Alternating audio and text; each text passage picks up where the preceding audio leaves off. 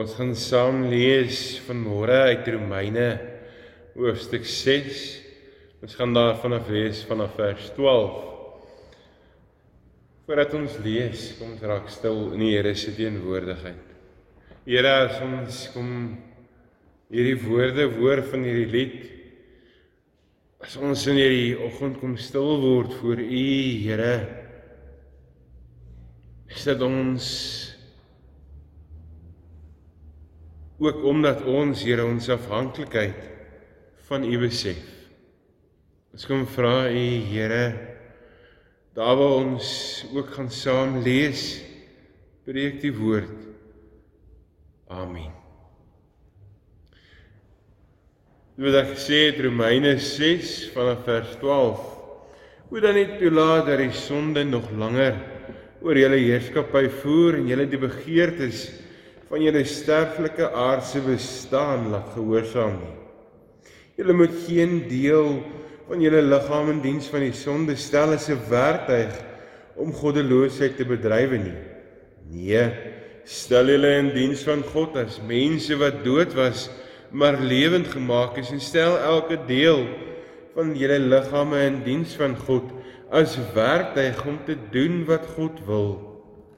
Die sonde moenie meer baas wees oor julle nie, want julle staan nie onder die wet van Moses nie, maar onder die genade. Wat beteken dit? Kan ons nou maar sonder sonde doen omdat ons nie onder die wet van Moses staan nie, maar onder die genade beslis nie. Julle weet tog as julle julle aan iemand onderwerp om hom as slawe te gehoorsaam, is julle die slawe van die een aan wie julle gehoorsaam is. As dit die sonde is, beteken dit vir julle die dood. As dit gehoorsaamheid aan God is, beteken dit vryspraak en lewe. Maar ons dank God dat julle wat slawe van die sonde was, van harte gehoorsaam geword het aan die leer soos julle dit deur die oorlewing ontvang het.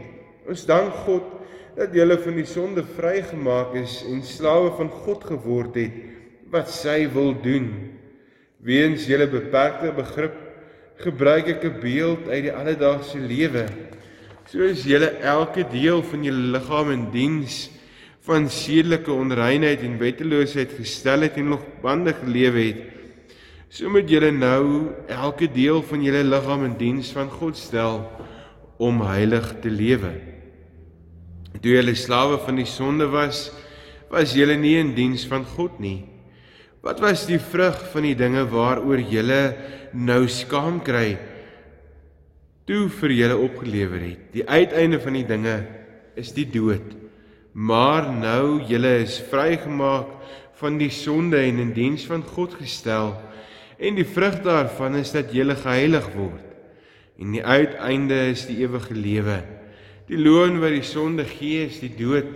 Die genadegawe wat God gee is die ewige lewe in Christus Jesus ons Here. Tot sover ons skriflesing van môre. As ons begin kyk na hierdie gedeelte in Romeine roep hierdie tweede gedeelte in Romeine 6 ons as gelowiges op om God te dien met alles wat in ons is, met alles, so wat hy sê, waar ons hoor, U is alles vir my so kom leef ek dit uit want God is in my teenwoordig, God is by my en daarom doen ek wat God van my vra. Daarom leef ek hierdie genadegawe wat God vir my gee om hom te mag ken, leef ek uit.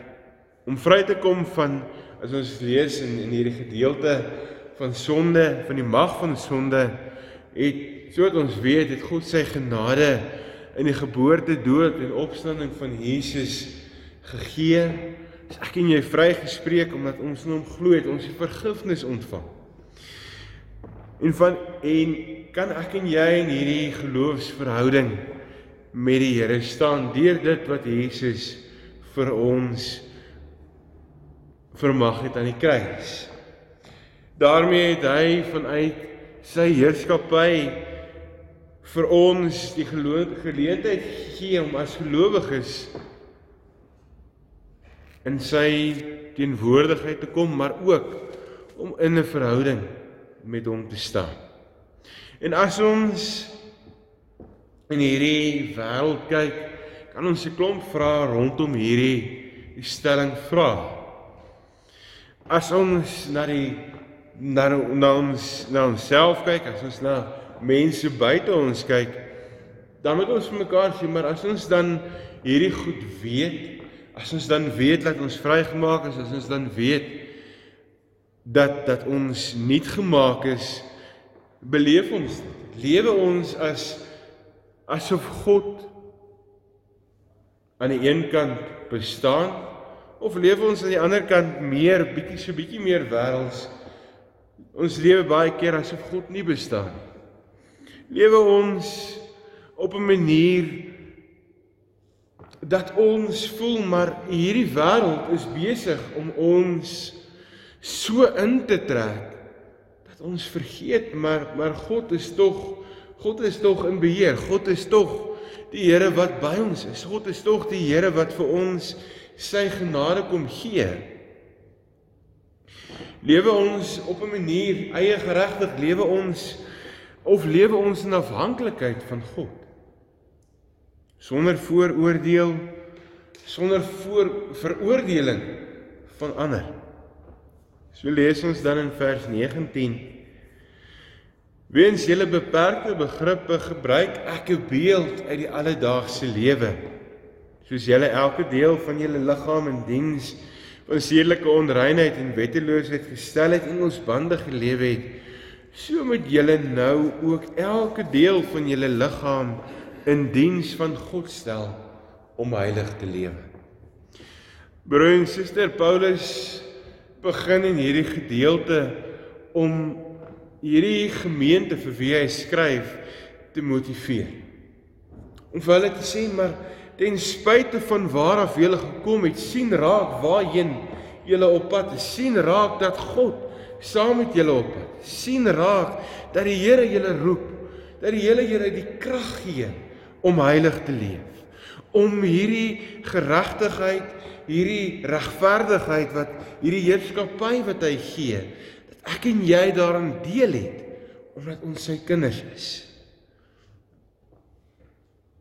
Ons as Christene as gelowiges is mense wat hulle vermoëns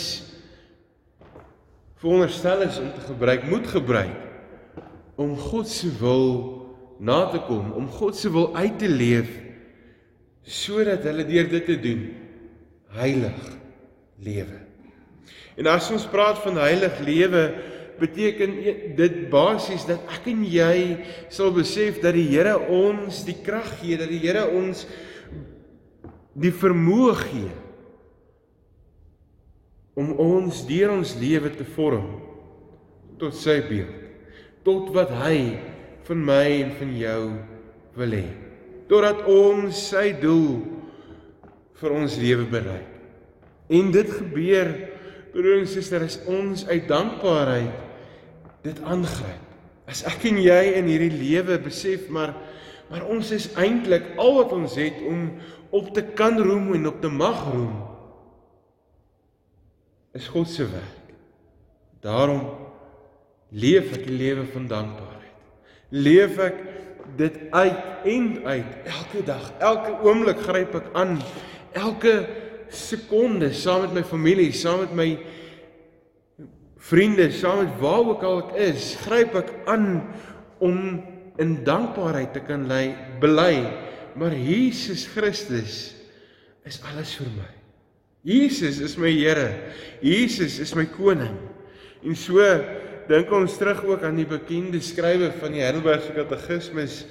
As jy nou 'n bietjie terugdink ook aan jou eie katekese, was dit vraag 1 gewees. Wat is jou enigste troos in lewe en in sterwe het die dominee altyd gevra? Dan moet jy nou vir hom ons hierdie volgende rympie sê. My enigste troos in lewe en in sterwe is dat ek aan Jesus Christus behoort met liggaam en met my siel. Dit sê vir ons soveel. Dit sê vir my en vir jou hierdie werk, hierdie wêreld, dit wat ons besig is om te beleef met hierdie pandemie, dat dit alles tydelik is. Maar dat ons verhouding met die Here, dit wat ons op hom bou, ewig is. Ons kan so vasgevang raak in hierdie in hierdie wêreld. Ons kan so vinnig moed verloor. Ons kan so vinnig begin vra vra. Dat ons vergeet maar die Here kom verbind hom aan ons. Hy kom gee ons sy verbond. Hy kom staan in 'n verhouding met ons wat van sy kant af kom. Deur sy seun, deur sy gees wat hy vir ons gee.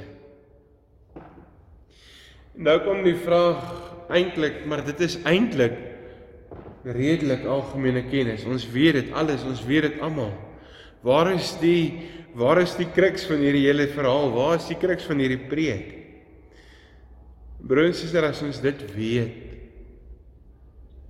Hoekom sukkel ons om dit uit te leef? Hoekom sukkel ons om hierdie hoop van God wat homself aan ons kom verbind, van God wat heilig wat ons roep om heilig te leef.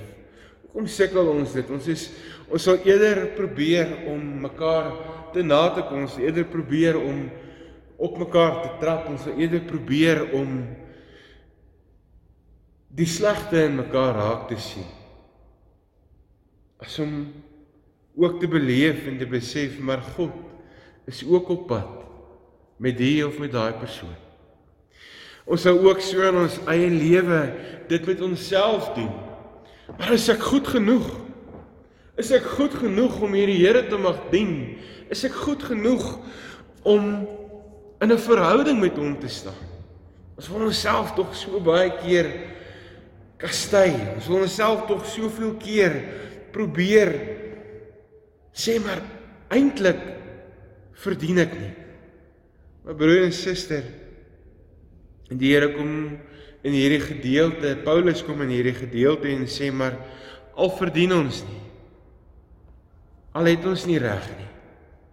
God kom gee alles sodat ek en jy in hom ons troos in hom ons vrede, in hom ons diepste diepste bekommernisse by hom kan kom neerlê. Wat hy vir ons kom sê, maar dit gaan nie oor my of oor jou nie, maar oor hom wat regverdig is, oor God wat teenwoordig is. Mag ek en jy dit uitleef. En hiermee sluit ek af met hierdie aanhaling Ons moet vir God vra om ons hoop te vergroot wanneer dit te klein is.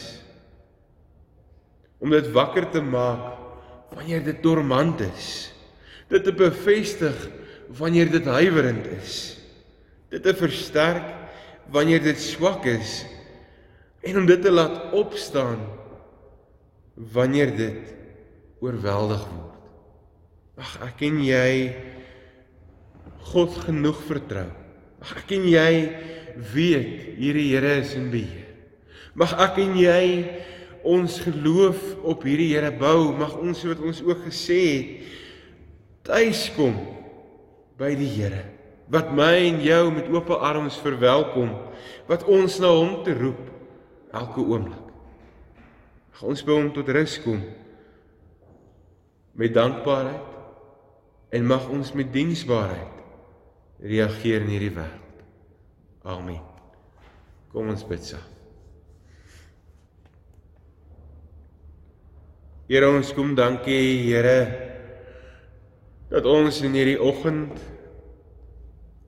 weer opnuut kan dink, herinner word Here aan u verlossingspad die impak daarvan op ons eie lewe. Here dat U ons ook herinner dat dit oor U goedheid gaan. Here dat U ons aan U kom verbind. Here dat ek kan wees, kan weet, Here dat U maak nie saak wat nie, Here dat ek in lewe en in sterwe aan U behoort. Here dat U teenwoordig is. En so kom vra ons U Here ook in hierdie oggend in hierdie dag. Here kom maak ons diensbaar. Kom vul ons met U grootheid en met U genade en met U gees om ook die verskil te maak, om ook die hoop te bring daar waar U ons wil gebruik. Amen.